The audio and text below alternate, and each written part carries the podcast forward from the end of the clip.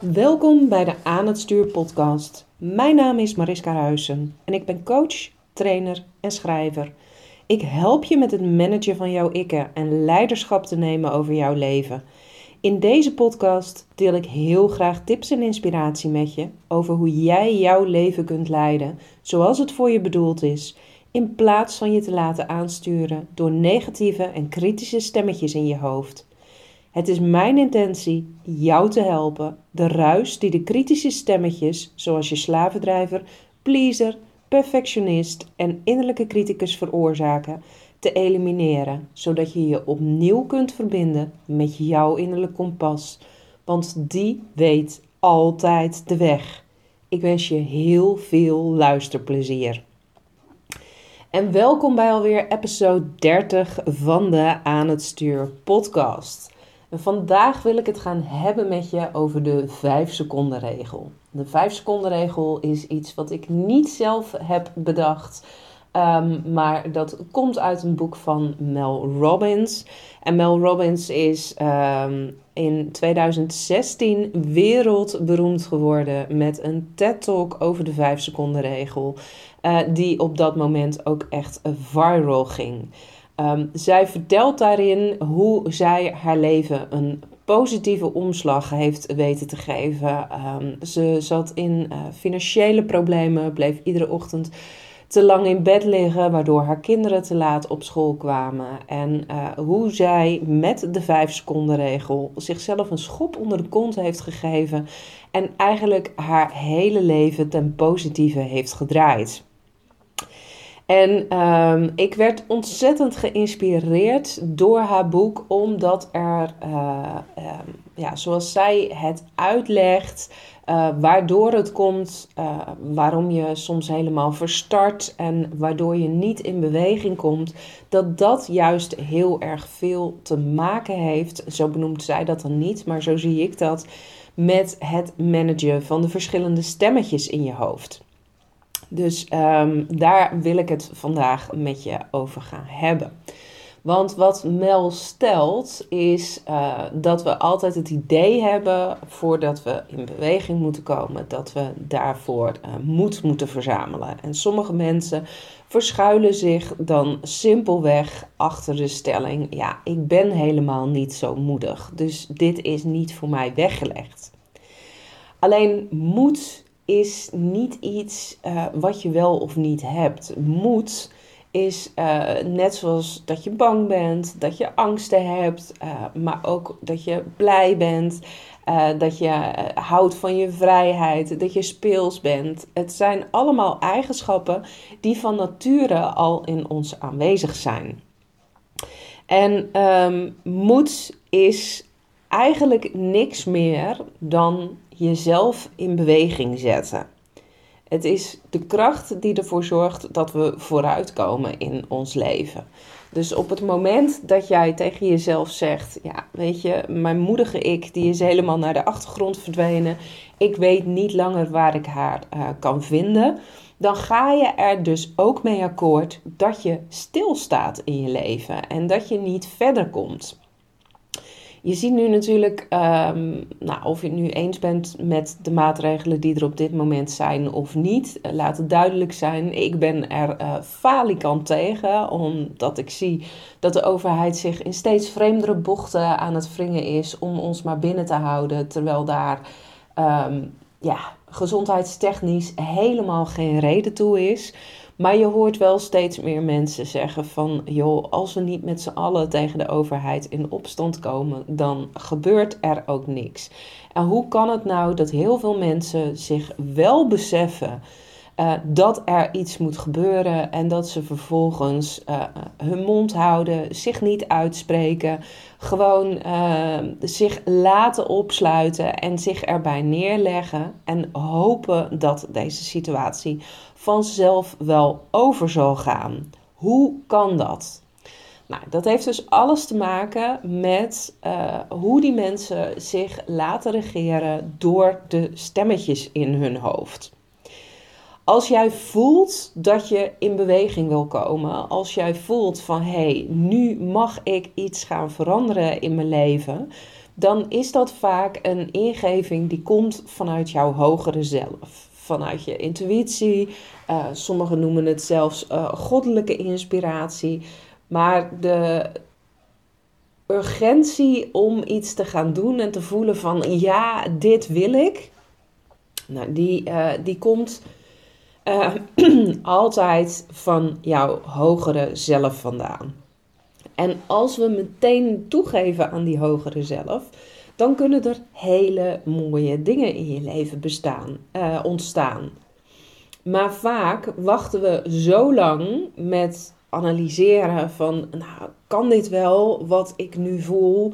Uh, word ik daar niet op afgerekend? Gaan andere mensen me daar niet vreemd op aankijken?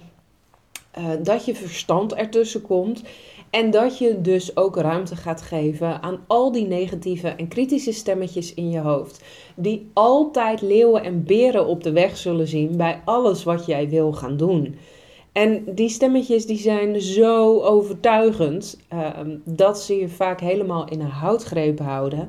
En dat je dus afziet van datgene wat jouw hogere zelf zo graag wil dat je gaat doen. Nou, om een voorbeeld te geven. Um, je zit achter de computer en je vraagt je af, ook al ben je al in de 40, uh, of je je nog op zal gaan geven voor een universitaire studie. Want het lijkt je zo gaaf om een meestertitel of een doctorandustitel te halen. Maar ja, om nu nog aan je propedeuse te beginnen tussen allemaal jonge studenten, je weet niet of je dat wel durft. Nou, dat stemmetje, ik weet niet of ik het wel durf, dat is dus al iets wanneer je verstand ertussen is gekomen en wanneer je verstand er dus voor zorgt dat je niet toegeeft aan die hogere zelf. Nou, nog een voorbeeld. Je zit in een vergadering en je hebt een fantastisch idee wat je met je collega's wil delen. Maar je durft niet goed omdat je bang bent dat het zal worden afgeschoten. Um, je bent um, uh, buiten een wandeling aan het maken. Ik wilde zeggen van, nou, je bent in een café, maar ja, dat is op dit moment natuurlijk geen uh, realistisch voorbeeld. Maar je bent buiten een wandeling aan het maken en je ziet verderop uh, iemand lopen van wie je hart sneller gaat kloppen. Van wie je echt denkt, wauw, wat zou ik daar graag mee in contact komen. Misschien is hij of zij wel de ware voor mij. Maar je verstand komt ertussen, want die denkt: ja, ik kan toch niet zomaar op een wild vreemde afstappen. um, nou, je um, wil jezelf een zetje geven om buiten te gaan hardlopen. Maar het is al zo lang geleden dat je je hardloopschoenen hebt aangetrokken. Dat je het idee hebt dat je er uh, log en sloom uitziet. En je vraagt je af, wat zullen anderen er wel niet van denken als ik dit ga doen? Um, je bent net begonnen um, uh, als distributeur van een uh, huidverzorgingsproduct bijvoorbeeld. Uh, je, je, wil wederverkoper worden van producten. En er zijn minstens 10 mensen die jij wil bellen. Maar je vraagt je steeds af, als ik dat ga doen, ben ik dan niet te opdringerig? Um, je weet diep van binnen, deze ken ik zelf heel erg goed van een aantal jaar geleden, dat je dolgraag iets anders zou willen gaan doen dan waarvoor je bent opgeleid. Maar je ouders hebben je studie betaald en die kun je toch niet zomaar in de prullenbak gooien. Um, of je ligt s'avonds bij tijds in bed en je partner ligt ook al naast je en je wil dolgraag met hem of haar vrijen. Maar het is er al zo lang niet van gekomen. En het lijkt alsof je partner heel erg verdiept is in uh, een boek. Um, dus hou je het maar bij een beetje lafjes uh, over de schouder wrijven en draai je je maar weer om. Omdat je het zo lastig vindt om altijd degene te moeten zijn die initiatief neemt. Nou, hier zitten vast wel wat voorbeelden tussen uh, waarvan je denkt: oh shit, ja, die herken ik. Dat uh, is ook hoe ik het wel eens ervaar. Nou, als je goed geluisterd hebt, zijn het allemaal voorbeelden waarin je diep van binnen echt wel weet dat je iets zou willen doen. Maar hoe langer je wacht, maar hoe langer je aarzelt om in beweging te komen, hoe meer argumenten er naar boven komen om het vooral dus maar niet te doen. Om vooral maar te blijven waar je bent. Nou, waar gaat de 5 seconden regel van Mel Robbins over? Die gaat erover dat je die negatieve spiraal van uh, gedachten die je op je plek houden, bewust kunt doorbreken. En dat doe je heel simpel door op het moment dat je voelt: hé, hey, er is iets wat ik nu eigenlijk heel graag wil gaan doen. Nog voordat je maar kunt denken, af te tellen van 5, 4, 3, 2 naar 1. En op het moment dat jij gaat aftellen in je hoofd van 5 terug naar 1, schep je letterlijk ruimte in je hoofd en geef je geen uh, mogelijkheden aan die stemmetjes om ertussen te komen. Want je verlegt je focus. Je bent alleen maar bezig met dat terugtellen. Vervolgens is het dan natuurlijk heel erg belangrijk dat je, als je bij één bent, jezelf ook daadwerkelijk die spreekwoordelijke schop onder de kont gaat geven om in beweging te komen en het te gaan doen. Je zou dat ochtends al kunnen doen als je merkt dat je heel erg veel moeite hebt met het volhouden van een ochtendritueel. Dat jouw voornemen is van nou, ik sta iedere ochtend om 6 uur op.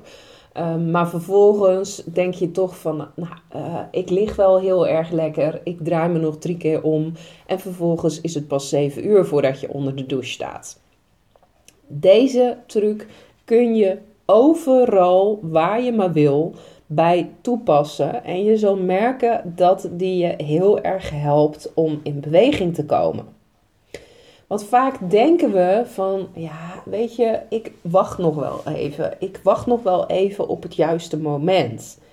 Ehm, maar er bestaat niet zoiets als een juist moment. Het enige juiste moment dat er bestaat, is het moment waarop jij in actie komt en ontdekt hoe sterk je daadwerkelijk bent.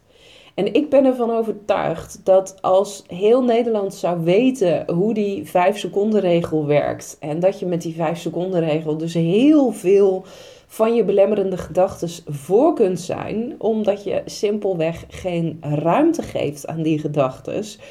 Uh, dat de samenleving er nu waarschijnlijk ook heel anders uit zou zien. Want als we onszelf maar niet steeds laten sussen uh, of, of op onze plek laten houden door die stemmetjes die zeggen: ja, je kan dit maar beter niet doen, want je gaat worden afgefakkeld door de rest van je omgeving op het moment dat je je nu gaat uitspreken dat je het ergens niet mee eens bent. Als we dat allemaal maar steeds doen, dan hou je jezelf gevangen in die spiraal. Nou, en wat doet de overheid daarin? Die voedt gewoon uh, iedere keer opnieuw onze angsten. Die doet er nog een schepje bovenop. Van ja, weet je, het is niet alleen het Britse virus, maar er komt ook nog een Zuid-Afrikaans virus aan. En uh, je hebt toch geen idee wat er allemaal zou kunnen gebeuren op het moment dat we nu de lockdown helemaal zouden laten gaan. Of dat we zouden afzien van een avondklok. En misschien zit er binnenin jou wel een stemmetje, zo'n knagend stemmetje, wat zegt van ja, maar het kan toch niet zo zijn dat. Uh, en ondertussen vieren jouw pleaser, jouw perfectionist, je slavendrijver, je innerlijke criticus en al die andere stemmetjes, jouw bange ik, um, die vieren feest omdat ze dus iedere dag vanuit de buitenwereld de bevestiging krijgen van ja, zie je wel, zo goed gaat het nog niet. Dus blijf maar waar je bent. Maar er is iets heel gevaarlijks aan ehm, blijven waar je bent. Want het gaat zelfs nog verder dan uitstelgedrag. Want als je wacht op dat juiste moment. Of dat je wacht van, nou, ik, ik wacht wel totdat de stemmetjes in mijn hoofd me niet langer meer tegenhouden. Dan ben je niet aan het uitstellen, maar dan doe je iets veel gevaarlijkers. Want je bent jezelf bewust aan het wijsmaken dat het nu nog niet het juiste moment is. En daarmee ben je alles waarover je droomt en wat je graag wil, ben je aan het dwarsbomen. Dus al die mensen die nu zeggen: ja, we wachten nog wel eventjes en ooit komt het vanzelf goed. Nou, die zetten bewust daarmee hun dromen, hun wensen, hun verlangens en datgene waarvan ze diep van binnen voelen wat ze eigenlijk zouden willen doen, die zetten ze daarmee in de ijskast. Oftewel, je bent jezelf gewoon keihard voor de gek aan het houden. En je bent dus ook iedere keer opnieuw die hogere zelf om de tuin aan het leiden. Die hogere zelf die weet echt wel wat goed voor jou is. Maar wat denk je dat er gaat gebeuren op het moment dat die steeds nul op het rekest krijgt? Dat hij steeds te horen krijgt: nee, nu even niet. Nou, wat gebeurt er als jij maar vaak genoeg een kind of een vriend uh, die graag iets van jou wil wegstuurt? Nou, die denkt op een gegeven moment: laat maar zitten. Ik zoek het zelf wel uit. En als jij dus nu het idee hebt dat je um, uh, weinig meer in contact staat met jouw intuïtie, met jouw hogere zelf, ga dan eens bij jezelf na hoe vaak jij wel bewust die hogere zelf in de kiem hebt gesmoord door niet toe te geven aan een bepaald gevoel wat je had. Maar je dus te laten meesleuren door al die stemmetjes in je hoofd. Want sta dan eens even stil bij wat is nou eigenlijk het nut van jouw dromen als je er niks mee doet. Dan is het misschien leuk in dat moment, maar dan ga je ook daadwerkelijk geloven dat dromen bedrog zijn, bijvoorbeeld. En degenen die het lef hebben om hun nek uit te steken, dat zijn de echte winnaars. Ook al worden ze nu misschien nog als complotgekkies of wappies weggezet. Er zijn wel mensen die zeggen, nou ja, weet je, die hogere zelf, die roept nu zo hard, dat kan ik niet meer negeren. Want je kunt wel denken van, nou weet je, maar er zijn toch heel veel stromingen die zeggen, als je je maar genoeg focust op je dromen, dan komen ze vanzelf uit.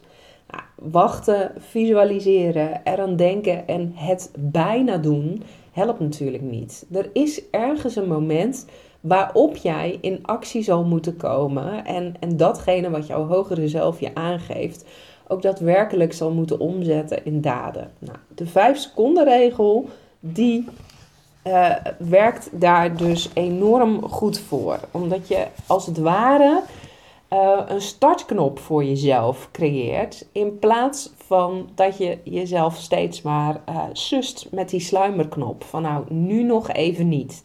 Wat je doet als je zegt nu nog even niet, is dat je dus daadwerkelijk de hele dag aan het snoezen bent. Nou, en ik weet niet of je een, een hardnekkige snoezer in real life uh, bent, uh, dat je graag nog wat extra lang in bed blijft liggen. Maar ik kan je garanderen dat je je door snoezen niet fitter gaat voelen.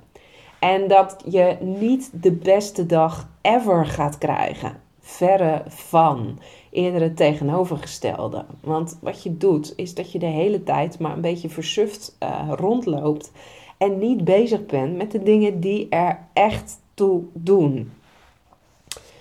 Um, ik wil nog een misverstand wegnemen als het gaat over al die voorbeelden die ik net noemde. Van een studie gaan volgen, uh, je leven omgooien, um, die leuke man of vrouw in de verte aanspreken van wie je denkt van nou hey, um, uh, misschien zou dat wel eens de ware voor me kunnen zijn. Uh, wat het dan ook is wat jij uh, wil doen, een idee voorleggen op je werk waarvan je weet dat het het bedrijf enorm gaat verder helpen. Al die dingen, die kunnen pas waarheid worden als jij het lef hebt om vaker dan één keer iets te doen. Kijk, als jij achter je computer zit en je afvraagt van nou, ga ik me nu inschrijven voor die, voor die universitaire studie of niet? Uh, dan is het enkele besluit 5, 4, 3, 2, 1, ik ga het doen, natuurlijk nog niet voldoende om je droom te verwezenlijken. Voordat jij die propedeuse uh, hebt behaald, moet je jezelf wel iedere keer opnieuw weer gaan triggeren om daar iets mee te doen. Um, wil jij iemand aanspreken van wie je denkt dat het misschien wel eens je grote liefde zou kunnen zijn, ja, dan is het niet voldoende om daar alleen naartoe te lopen en vervolgens met je mond vol tanden te staan. ook dan zal je jezelf weer opnieuw moeten triggeren om met een uh, beide handen openingszin te komen. Of iets waarin je in ieder geval de aandacht op je weet te vestigen. Dus je zal keer op keer op keer in beweging moeten komen. Dat is ook de reden waarom maar zo ontzettend weinig mensen het daadwerkelijk lukt om hun dromen uit te laten komen. Je moet namelijk een lange adem hebben. En af en toe zal je teleur worden gesteld. Het kan best zijn dat die persoon in de verte die jij wil aanspreken al lang gelukkig is getrouwd en helemaal niet zit te wachten op een uh, vorm van interesse vanuit jou. Maar wat is erger? Weten dat die persoon uh, niet daadwerkelijk de ware is voor jou uh, en het gevoel hebben van yes, maar ik heb het toch maar gedaan. Ik heb mijn angst overwonnen en ik ben er dwars doorheen gegaan. Of is het erger dat je um, ja, je hele leven blijft afvragen: Goh, die prachtige man of die prachtige vrouw die ik daar zag lopen, heb ik nou mijn ware liefde aan mezelf voorbij laten gaan? Ik weet zeker dat het eerste, ook al is de kans op een teleurstelling aanwezig, dat die minder erg is. En bovendien groeien we van iedere faalervaring die we hebben. Dat lijken we nog wel eens te vergeten. We hechten zoveel waarde aan dat alles maar in één keer goed moet gaan, dat we onszelf daar ook ontiegelijk mee in de weg kunnen zitten. Waarschijnlijk ben je vergeten dat toen jij leerde te lopen, dat je maar liefst 17 keer per uur onderuit ging. En er was geen moment waarop je dacht: Nou, weet je, nu blijf ik zitten op mijn kont en nu probeer ik het niet meer. Nee, je stond telkens op en uh, steeds beter voelde je je balans, uh, wist je wat je moest doen om wel te blijven staan, werden jouw beentjes sterker en ging je door. En nu is er op de een of andere manier, doordat we zo gewend zijn geraakt om naar die negatieve stemmetjes in ons hoofd te luisteren, die uh, fantastische verhalen gaan verzinnen over alles wat er zou kunnen gebeuren. Um, als je nu iets doet en die jagen zoveel angst aan dat je eigenlijk al op voorhand zegt: hé, hey, ik probeer het niet eens meer. En daarmee doe je dus alles teniet waarvoor je geboren bent. Want al van kleins af aan ben jij hier om te groeien, om jezelf te ontwikkelen en van faal naar faalervaring te gaan. Maar van daaruit dus ook steeds beter te worden in wat je doet. Nou, als jij nu merkt dat je voor een situatie staat, uh, of dat nou met betrekking tot de maatregelen is waar je je misschien uh, meer in zou willen laten horen, of dat het iets heel anders is, um, pas deze week gewoon eens de 5 seconden regel toe.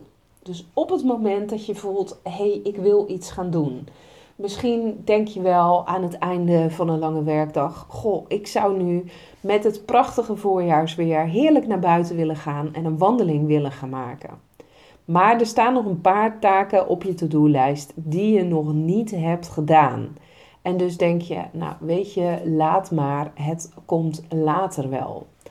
Voordat je toekomt aan die gedachte, weet je, het komt later wel, wil ik je uitnodigen om aan de slag te gaan met die 5 seconden regel. En uh, te kijken wat er dan gebeurt, of je dan wel in beweging komt. Ik zou het super tof vinden als je mij zou willen laten weten of die 5 seconden regel voor jou werkt. Um, uh, wat je ermee hebt gedaan. En ik zou het natuurlijk ook super tof vinden als je deze podcast uh, wil delen, als die je heeft geïnspireerd op social media. Uh, tag me er dan eventjes in, uh, zodat nog meer mensen de Aan het Stuur podcast kunnen vinden.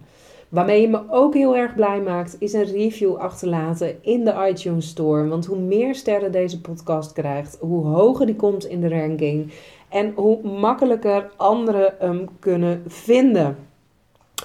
Um, Denk je nu, hey, ik vind dit eigenlijk wel heel erg interessant wat je hier deelt. En uh, ik laat me toch nog wel heel vaak op mijn kop zitten door al die stemmetjes in mijn hoofd. Weet dan dat de deuren van aan het stuur 2.0 op dit moment geopend zijn. En wat is aan het stuur 2.0?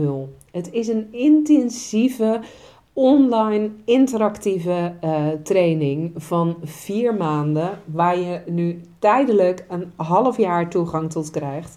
Met live sessies, live your life sessies, waarin ik je coach op alle onderwerpen uh, die er zijn in dat programma. In 10 stappen help ik je naar meer rust in je hoofd, naar meer leiderschap over je leven. En zorg jij ervoor dat je je niet langer op je kop laat zitten door al die stemmetjes in je hoofd. We hebben maandelijks gastexperts die uh, inzoomen op, uh, op onderwerpen en we gaan met elkaar heerlijk de diepte in. Wil je daar meer over weten? Stuur me dan eventjes een mailtje op mariska.praktijkdewaterspiegel.nl of kijk op mijn site www.mariskaruisen aan het stuur. Um, vanaf volgende week ga ik ook weer webinars geven als je uh, meer wil weten over wat dit programma nu precies inhoudt. Ik zou het super tof vinden als je daarbij kunt zijn. En voor nu uh, zie ik je heel graag snel weer in een volgende podcast. Dankjewel voor het luisteren.